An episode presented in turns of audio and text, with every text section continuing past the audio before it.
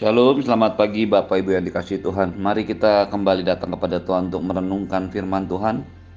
Pagi hari ini diambil dari Mazmur pasal yang ke-7 ayat 1 sampai dengan 18.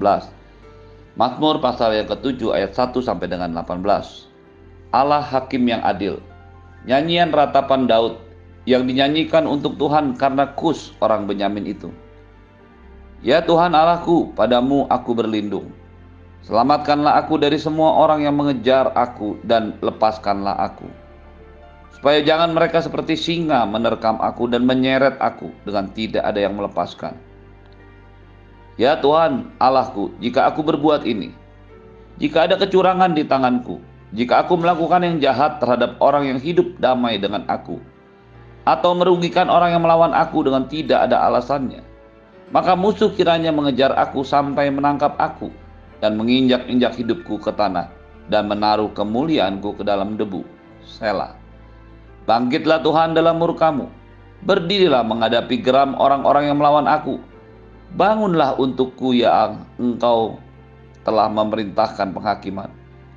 Biarlah bangsa-bangsa berkumpul mengelilingi engkau dan bertahta di atas mereka di tempat yang tinggi. Tuhan mengadili bangsa-bangsa. Hakimilah aku, Tuhan, apakah aku benar dan apakah aku tulus ikhlas. Biarlah berakhir kejahatan orang fasik, tetapi teguhkanlah orang yang benar. Engkau yang menguji hati dan batin orang, ya Allah yang hadil. Perisai bagiku adalah Allah yang menyelamatkan orang-orang yang tulus hati. Allah ialah hakim yang adil dan Allah yang murka setiap saat. Sungguh kembali ia mengasah pedangnya melentur busurnya dan membidik Terhadap dirinya ia mempersiapkan senjata-senjata yang mematikan dan membuat anak panahnya menjadi menyala. Sesungguhnya orang itu hamil dengan kejahatan, ia mengandung kelaliman dan melahirkan dusta. Ia membuat lubang dan menggalinya, tetapi ia sendiri jatuh ke dalam pelubang yang dibuatnya. Kelaliman yang dilakukannya kembali menimpa kepalanya dan kekerasannya turun menimpa batu kepalanya. Aku hendak bersyukur kepada Tuhan karena keadilannya dan bermasmur bagi nama Tuhan yang Maha Tinggi. Bapak Ibu yang dikasih Tuhan, pagi hari ini kita merenungkan firman Tuhan dari Mazmur pasal yang ketujuh, Mazmur Daud yang diberikan keterangan adalah sebuah nyanyian ratapan yang dinyanyikan untuk Tuhan karena kus orang Benyamin itu. Perhatikan baik-baik apa yang dilakukan oleh Daud ketika ia menghadapi situasi-situasi yang tidak mengenakan, situasi-situasi yang menekan, membahayakan, bahkan mengancam nyawanya.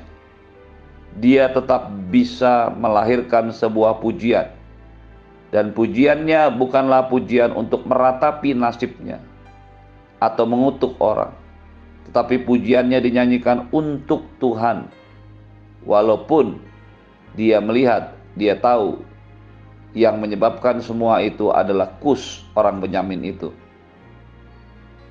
Beberapa penafsir Alkitab menyatakan Kus ini adalah salah satu keturunan Saul karena dia orang Benyamin. Tetapi jika dilihat dari sejarahnya, orang-orang Kus ini adalah keturunan dari anak Nuh yang bernama Ham yang mendiami lembah-lembah pegunungan sungai Nil di Mesir. Kata kus sendiri berasal dari kusi, kusian yang arti hit yang berarti hitam. Tetapi ketika Daud menuliskan nyanyian ratapan ini, beberapa penafsir tidak menghubungkan kus itu dengan kus orang-orang yang tinggal di daerah Sungai Nil Mesir dan Ethiopia. Karena di sini dikatakan Kus adalah orang dari suku Benyamin. Berarti ia adalah orang Israel. Beberapa penafsir Alkitab menghubungkan Kus ini dengan seorang yang bernama Simei. Kalau kita membaca kisah Daud di dalam 1 Samuel, maaf, 2 Samuel pasal yang ke-16. Ketika pemberontakan Absalom yang menyebabkan Daud menyingkir keluar dari Yerusalem untuk pergi berlindung di Mahanaim, tempat di mana Yakub bertemu dengan malaikat Tuhan sebelum bertemu dengan Esau. Tempat di mana Abner, panglima perang Saul, melarikan diri ketika ia bertempur membela keluarga Saul terhadap serangan orang-orang yang berasal dari keluarga Daud. Daud melarikan diri ke Mahanaim dalam perjalanannya menuju ke Mahanaim. Dia melewati lembah Araba Yordan dan kembali ke sungai Yordan. Lalu dalam perjalanannya dia bertemu dengan Simei, keluarga Saul. Simei ini yang mengutuki Daud 2 Samuel 16 ayat 5 dan 6 mengatakan ketika Daud telah sampai ke Bahurim, keluarlah dari sana seorang dari keluarga Saul bernama Simei bin Gera. Sambil mendekati raja, ia terus-menerus mengutuk Daud dan semua pegawai Raja Daud. Dilemparinya dengan batu, walaupun segenap tentara dan semua pahlawan berjalan di sebelah kiri dan kanannya. Ketika Daud sedang bersusah hati karena anaknya memberontak, bahkan menggantikan dirinya menjadi raja, Simei ikut mengutukinya. Seringkali ketika ada dalam situasi-situasi yang tidak menyenangkan, tekanan dalam hidup ini, ada keadaan-keadaan yang lain yang menambah tekanan itu sendiri. Kondisi seperti inilah yang melatar belakangi nyanyian ratapan Daud di dalam Mazmur yang pasal yang ketujuh. Tetapi di tengah-tengah ratapan, seperti yang dituliskan oleh Daud, lagu ini untuk Tuhan. Maka fokus Daud bukanlah kepada masalah, bukanlah kepada kesulitan, bukanlah kepada tekanan, situasi berbahaya yang mengancam nyawanya. Tetapi fokus utamanya adalah Tuhan. Hal ini yang pertama kita bisa pelajari dari sikap hati Daud menghadapi situasi apa pun dalam hidup kita, seberat, sesulit apa pun, fokus Anda dan saya tidak boleh berubah. Kita harus tetap mengarahkan mata kita, pikiran kita, iman kita kepada Tuhan. Kita tidak boleh beralih pandangan kita dari Tuhan kepada masalah, dari Tuhan kepada kesulitan, dari Tuhan kepada sakit penyakit, dari Tuhan kepada kekurangan atau kebutuhan kita. Fokus Anda dan saya kita harus tetap kepada Tuhan. Itulah sebabnya mengapa Daud menuliskan lagu ratapannya diawali dengan sebuah pernyataan tentang Tuhan yang sangat luar biasa. Ya Tuhan Allahku padamu aku berlindung. Selamatkanlah aku dari semua orang yang mengejar aku dan lepaskanlah aku. Dia tetap melihat Tuhan itu adalah tempat perlindungan dan penyelamat. Dia tetap mengarahkan fokus perhatiannya kepada Tuhan. Tuhan itu adalah perisai baginya. Di dalam ayat yang ke-11 Daud mengatakan perisai bagiku adalah Allah yang menyelamatkan orang-orang yang tulus hati. Dia juga menyatakan Allah adalah hakim yang adil. Walaupun dia tahu dan Allah yang murka setiap saat. Ketika Daud ada dalam situasi yang sangat membahayakan, menyedihkan yang membuatnya menulis sebuah ratapan kepada Tuhan. Sekali lagi, fokus hidupnya tetap kepada Tuhan. Semua masalah yang dihadapinya akan membuat Daud mengenal Tuhan bukan sebagai sebuah teori atau ayat-ayat biasa atau cerita orang lain. Tetapi dia sendiri mengalami sehingga dia bisa berkata, Tuhan, padamu aku berlindung. Selamatkanlah aku dari semua orang yang mengejar aku. Tuhan engkau adalah perisai bagiku dan hakim yang adil. Seringkali tekanan masalah kesulitan bahkan penyakit yang diizinkan Tuhan terjadi dalam hidup kita membawa kita memahami dan mengerti bahwa Tuhan itu adalah fokus hidup Anda dan saya. Dia ingin Anda dan saya mengenalnya secara pribadi, bukan hanya mengetahuinya sebagai sebuah hal yang teoritis. Yang kedua, perhatikan apa yang dilakukan oleh Daud. Dia datang kepada Tuhan tidak menyalahkan keadaan, tidak menyalahkan orang lain. Bacalah apa yang dialami Daud ketika ia menghadapi tekanan-tekanan dalam hidupnya dan kita akan menemukan sebuah hal yang dia tuliskan dalam lagu-lagunya. Ya Tuhan Allahku, jika aku berbuat ini, jika ada kecurangan di tanganku, jika aku melakukan yang jahat terhadap orang hidup damai dengan aku, atau merugikan orang yang melawan aku dengan tidak ada alasannya. Langkah kedua yang dilakukan oleh Daud, dia datang kepada Tuhan dan meminta Tuhan menguji hatinya.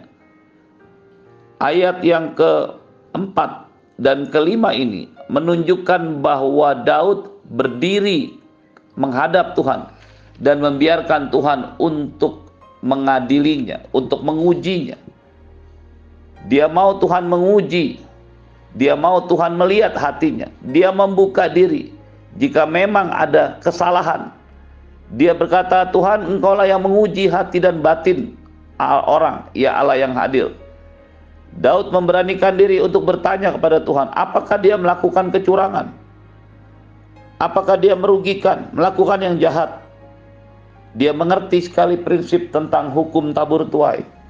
Itu sebabnya ketika dia berhadapan dengan situasi yang ada dalam dirinya, dia memberanikan diri untuk datang kepada Tuhan. Tuhan yang menguji batin dan hati. Tuhan yang mengadili orang-orang yang tulus hati kepada Tuhan dia datang dan meminta Tuhan menyelamatkan orang-orang yang tulus hati. Penting bagi setiap kita untuk duduk diam mendengarkan Tuhan, membiarkan Roh Kudus menerangi hati dan hidup kita. Ketika kita menghadapi saat-saat masa-masa tekanan yang sulit dalam hidup kita, hal-hal yang menyedihkan yang tidak sesuai dengan harapan, doa-doa yang belum terkabul, penting bagi kita untuk datang kepada Tuhan dan membuka hati dan diri kita. Seraya berkata, Tuhan, jika ada kecurangan, jika ada kejahatan, jika ada sesuatu yang aku buat merugikan orang lain, jika ada yang aku kerjakan membuat orang lain merasa dicurangi, jika ada kesalahan yang aku lakukan, biarlah Tuhan yang menguji hati dan batin memelihara dan menyingkapkan hati kita, batin kita, sehingga kita bertobat. Yang ketiga, Daud menyadari bahwa Tuhan adalah hakim yang adil. Sehingga dia membawa perkaranya kepada Tuhan. Dia menuliskan dalam ayat yang ke-9, Tuhan mengadili bangsa-bangsa. Hakimilah aku, Tuhan, apakah aku benar dan apakah aku tulus ikhlas. Dia mau Tuhan mengadilinya. Setelah dia menyatakan siapa dirinya, membuka dirinya di hadapan Tuhan. Dia tahu bahwa Tuhan yang adalah hakim yang adil, yang seharusnya menghakimi dan mengadili perkaranya. Konsekuensi ini membawa Daud untuk tidak membalas kejahatan yang dilakukan orang lain terhadap dirinya Lihatlah apa yang dilakukannya ketika Saul berkali-kali mencoba membunuh dirinya. Ketika mendengar Saul mati, dia mengenakan kain kabung dan tidur dengan badan yang dan kepala di lantai. Lihatlah kesedihan hatinya ketika mendengar Jonathan sahabatnya mati. Kesedihan yang sama dialami oleh Daud ketika dia mendengar Saul mati. Padahal Saul adalah raja yang berusaha membunuhnya. Mengapa Daud bisa melakukan ini? Dia juga melakukan hal yang sama terhadap Shimei yang mengutuki dia dan melempari dia dengan batu ketika dia berjalan meninggalkan Yerusalem. Ketika akhirnya Absalom mati dan orang Israel meminta Daud kembali menjadi raja mereka. Maka Shimei mendengar kabar itu langsung mendatangi menyongsong raja dengan membawa banyak barang-barang tanda penyerahan. Ayat yang ke-16 dari 2 Samuel 19 menunjukkan datang Simei untuk menyongsong raja dengan membawa banyak makanan dan barang-barang. Ketika Daud melihat itu, dia mengampuni Simei walaupun Simei telah mengutukinya. Apa yang dilakukan Daud adalah sebuah pengertian bahwa dia menyadari Tuhan adalah hakim yang adil.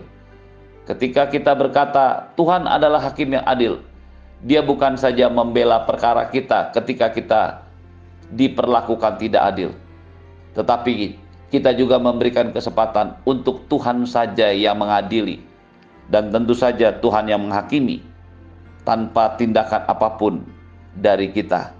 Biarlah bangsa-bangsa berkumpul mengelilingi engkau dan bertahtalah di atas mereka di tempat yang tinggi. Tuhan mengadili bangsa-bangsa. Bangkitlah Tuhan dalam murkamu, berdirilah menghadapi geram orang-orang yang melawan aku. Karena engkau telah memerintahkan penghakiman. Ketika kita menyadari, menyerahkan hidup kita sepenuhnya kepada Tuhan. Biarlah Allah menjadi hakim yang adil. Bahkan ketika engkau dan saya diperlakukan tidak adil, biarlah dia yang mengadili dan dia yang melakukan semuanya. Di penutup dari pasal ini, dari nyanyiannya, Daud menuliskan, Aku hendak bersyukur kepada Tuhan karena keadilannya dan bermasmur bagi nama Tuhan yang maha tinggi. Dia percaya Tuhanlah fokus hidupnya. Tuhanlah penyelamat perisai dan hakim yang adil. Terimalah berkat yang berlimpah dari Bapa di surga, cinta kasih dari Tuhan Yesus, penyertaan yang sempurna daripada Roh Kudus. Turun ke atasmu hari ini dan sampai selama-lamanya di dalam nama Yesus. Semua yang percaya katakan amin. Shalom.